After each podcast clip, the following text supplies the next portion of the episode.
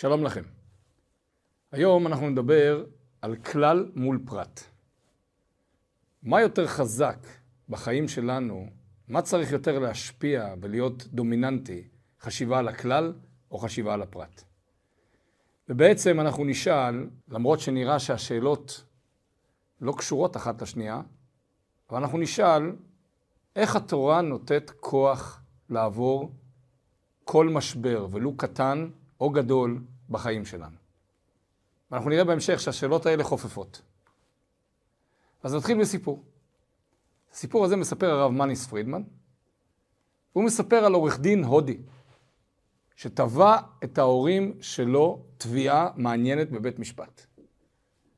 הוא אמר, אתם לא שאלתם אותי לפני שנולדתי, האם אני רוצה לבוא לעולם.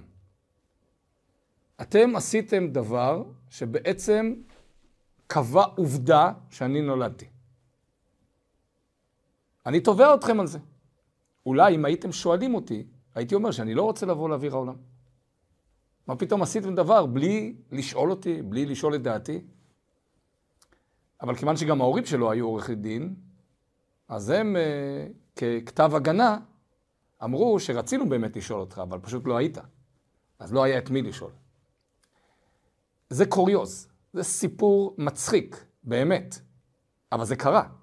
זה קרה בצורה אמיתית, ומבחינתנו זה קרה כדי להבין עד כמה העולם המודרני הקצין בצורה מטורפת. אדם תובע את ההורים שלו כי הם לא שאלו אותו. כמה אינדיבידואל אתה יכול להיות? כמה אגוצנטרי אתה יכול להיות ברמה כזאת שלא מעניין אותך שום דבר חוץ מעצמך? אז אם ישאלו אותי, אז טוב. אבל אם לא ישאלו אותי, לא מעניין אותי שדורות על גבי דורות על גבי דורות, במשך אלפי שנים, הורים מביאים ילדים לעולם, הם מקיימים את הציווי האלוקי של פרו ורבו ומילאו את הארץ. אותי צריך לשאול. ומי שלא שואל אותי, גם אם זה ההורים שלי, הוא מקבל ממני תביעה בבית משפט. כמה מצחיק הבית משפט שבכלל נותן מקום לכזאת תביעה, ולא מגלגל אותה מכל המדרגות. וכמה זה מראה לנו איך העולם המודרני הפך להיות קיצוני בחשיבה האגוצנטרית, בחשיבה על זכויות הפרט, אבל בצורה אקסטרימית, כל כך קיצונית, שהפרט עומד במרכז. ומרוב שהפרט עומד במרכז, כולנו נועדנו לטפח ולהלל ולשבח את הפרט. וזה גם מביא בדיעבד חשיבה על משפחות קטנות, שיהיה יותר חשיבה על הילד. ילד אחד, מקסימום שתיים, משפחה עם שלושה ילדים, כבר משפחה ברוכת ילדים. מה קרה? ומה אתם אומרים למשפחות של 15, 16, 18 ו-20 ילדים? מה, זה, זה פשוט לא נורמלי, ו- ולא מתייחסים, וזה זלזול, וזה הזנחה של הילדים. לא מיני ולא מקצתי. הסבר מאוד פשוט. החשיבה המודרנית הזאת, הלא תואמת לרוח ישראל, לרוח היהדות המקורית, החשיבה המודרנית הזאת מביאה את האדם לקצה. מביאה אותו לחשוב רק על עצמו. מביאה גם את ההורים לחשוב רק על הפרט של הילד. אז שלושה ילדים, הם ייקחו לנו את כל התשומת לב. או הם ייקחו לנו את החיים. בחשיבה היהודית השורשית המקורית, ההורים מסורים לילדים.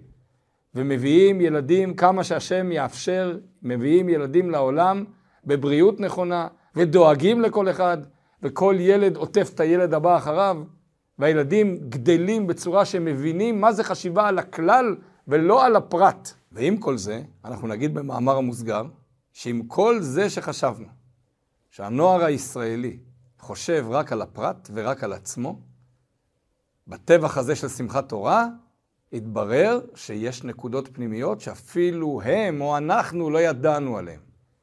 כי כשהם נקראו לדגל, וכשהם נקראו ביום פקודה, לקום ולחרף את הנפש ולמסור את הנפש עבור כלל ישראל, הם לא חשבו על הפרט. והם התגייסו, והם באו, קראו להם, לא קראו להם, אנשים באו מחוץ לארץ, אנשים באו מקצה העולם ומקצה הארץ. והם נלחמו וחלקם, לצערנו, מסר את הנפש כפשוטו. זאת אומרת שיש עמוק בפנים כן חשיבה על הכלל. אבל מה לעשות שזה לא מופיע כל כך כלפי חוץ בעיתות שגרה. יש משל, משל של אומות העולם אפילו. אם אני לוקח את האצבע ושם אותה קרוב לעין, אני יכול להסתיר אפילו את השמש. זאת אומרת, האצבע שלי יכולה מבחינתי להסתיר את השמש. מה אני רואה? אני רואה רק אצבע. ואיפה השמש? הרי השמש גדולה מהאצבע פי... לאין ארוך. אבל האצבע שלי מסתירה את השמש. כי אם אני במרכז, אז אין עולם למעשה. עכשיו, לפני שניגע איך התורה מתייחסת לדבר הזה, ואיך בפרשת השבוע, פרשת ויחי, מופיע באמת הרעיון הזה, איך צריך להסתכל על החיים, בואו ניגע בסוגיה אקטואלית, הסוגיה של החטופים. אנחנו יודעים, וזה דבר שכואב לכל אחד ואחד עמוק בלב, שורף את הנפש, שיש כרגע, בזמן שאנחנו מדברים, חטופים יהודים שנמצאים בשבי אצל החמאס, יימח שמם. אז כמה תנועה, שבמאמר המוסגר, בלי להיכנס לפוליטיקה, התנועה הזאת, ראשיה, או מי שמממן אותה, או מי שמוליך אותה, הם פוליטיקאים. והם מנסים ליצור אג'נדות פוליטיות סביב סוגיית החטופים. אבל נעזוב את זה רגע הצידה. קמה תנועה שאומרת החזרת החטופים עכשיו. והיות ויש בהורים של החטופים כאלה שסוברים שלא צריך להחזיר את החטופים עכשיו, אז הם יתפצלו. אתם לא אוהבים את הילדים שלכם, כל מיני אמירות פוגעניות שהן לא ממין העניין. איזה אבא לא אוהב את הילדים שלו? מאיפה הבאתם את הדבר הזה בכלל? אבל אתם צודקים. למה? החזרת החטופים עכשיו. ואם זה אומר שבגלל זה צה"ל לא ינצח את החמאס, ואם זה אומר שבעצם לא עשינו כלום בכל ההרוגים שנהרגו על קידוש השם, בכל החיילים שמסרו את הנפש, כי אנחנו נחזור לאותו מקום שהיינו לפני שמחת תורה. כי שוב הם יתעצמו, אז ייקח להם חודש, חודשיים, שנה, שנתיים, הם יבנו את המחילות שלהם עוד פעם, את הבונקרים, את הנשק, את הטילים, ואנחנו נחזור בדיוק לאותו מקום. מה אכפת לי? אני רוצה את הילד שלי כאן ועכשיו. יתהפך העולם. איך אפשר לחשוב ככה? איך אפשר לחשוב בצורה כל כך אגוצנטרית, כשלמעשה אתה גם לעצמך מזיק. אתה רואה רק את עצמך עכשיו. אתה אפילו לא רואה את עצמך בעוד שנתיים, כי אתה זה שתקבל את הטילים על הראש. ולא, וזה דבר ברור שאתה לא רואה בכלל את כלל ישראל. לא רק את האנשים שחיים בארץ ישראל, אלא את כל יהודי העולם. כי אם המשמעות היא שצה"ל מתקפל היום, המשמעות היא שחיי יהודים הם הפקר גמור. זה המסר לכל שונאינו בכל רחבי העולם. והראיה, צה"ל הגדול והמפואר התקפל מול טרוריסטים. אז תפעילו טרור ותפעילו לחץ, כי זה ישתלם לכם. איך אתה יכול לחשוב רק על הילדים שלך? זה כואב וזה שורף את הלב לכל אחד ואחד. וכנראה שזה באופן טבעי גם כואב יותר להורים. אבל אי אפשר להסתכל רק על כאן ועכשיו, כי בעולם שלנו אין רק כאן ועכשיו. כל פעולה שאתה עושה משפיעה, משפיעה לטווח ארוך. אז איך אתה יכול להסתכל רק כאן ועכשיו? ואת זה התורה בפרשת השבוע התייחסה לסוגיה הזאת, ובעצם דרך הסוגיה הזאת אנחנו נבין איך התורה רואה מכלול, רואה את הכלל, ודרך זה שהיא רואה את הכלל, היא נותנת כוח לפרט לעבור את כל קשיי החיים. כבר מסוף שבוע שעבר, מסוף הפרשה, פרשת ויגש, עם ישראל מתחיל לרדת למצרים. זה מתחיל בטוב, יעקב וכל בניו יורדים למצרים ב-70 נפש. יוסף הוא משנה למלך מצרים. הוא מקבל אותם, שם אותם בארץ גושן, מאכיל אותם, דואג להם. חיים טובים. אבל זה ממשיך בהמשך לגלות מצרים. מה נותן את הכוח ליהודי במהלך הפרשיות הבאות שאנחנו נקרא, שזה ויחי, או יותר חזק בשמות, בבארה, אפילו קצת מפרשת בו לפני יציאת מצרים? מה נותן ליהודי במצרים את הכוח להתמודד עם הקשיים האין סופיים בגלות מצרים. קשיים פיזיים, קשיים מנטליים, קשיים רוחניים. עבדות קשה, מפרכת, שוברת את הגוף ואת הנפש. כל המושג יהדות או קשר בין אחד לשני, הכל הכל התפרק. ואת יהודה שלח לפניו גושנה. יהודה הוא הראשון שנשלח לארץ גושן. אומר רש"י, מביא את דברי חז"ל, להורות, להקים בית תלמוד שמשם תצא הוראה. חבר'ה, אתם הולכים לגלות. אם כל אחד יתפקד רק כיחיד ויחשוב על עצמו, לא תצאו מזה. אתם תישברו אחד-אחד, כי אין מכלול, אין ראייה כללית, אין תובנות שאני למעשה משלים את מה שנאמר לאברהם אבינו, ידוע תדע כי גר יהיה זרעך בארץ לא להם, ועבדום ועינו אותם ארבע מאות שנה. אני מקיים את הגזרה הזאת. אני בגופי משלם על ברית בין הבתרים שנכרתה עם אברהם אבינו. כך רצה אלוקים, שתהיה כזאת גזרה. מה זה תיקן אנחנו לא יודעים ולא מבינים. אבל אחר כך ואחרי כן יצאו ברכוש גדול. אנחנו מלקטים ניצוצות בארץ מצרים, אנחנו עושים פעולות שבסופו של דבר מגבשות אותנו כעם. אם אני חושב רק על עצמי, זה לא מעניין אותי כל הסיפורים האלה. לא אברהם אבינו, לא יצחק אבינו, לא יעקב, לא לפני, לא אחרי. מי אני? אני זה אני. רק אני הקטן. ואם מישהו יעז לגעת לי בקצה הציפורן, אני יוצא למלחמה, ולא אכפת לי מי זה. וזה מסביר מלחמות על חניות, ומלחמות על דיבור, ומלחמות על אמרו לי, הוא אמר לי כך וכך, אז הוצאתי סכין. איפה אתה חי? אתה לא מבין שזה אח שלך? אתה לא חושב קצת יותר גדול ממה הוא אמר לי, מה הוא לקח לי ואיך הוא קרץ לי בעיניים? זה הפירוש. יהודה נשלח קדימה להורות בית תלמוד. חבר'ה, יש בית מדרש בארץ גושן. בבית מדרש בארץ גושן ילמדו תורה את כולם ויפנימו האנשים שהם בתוך מערכה כללית, כעם, כאומה, איך שזה לא מוגדר. כשהם יבינו שהם נמצאים בתוך מערכה כללית, לכל פרט יהיה יותר כוח.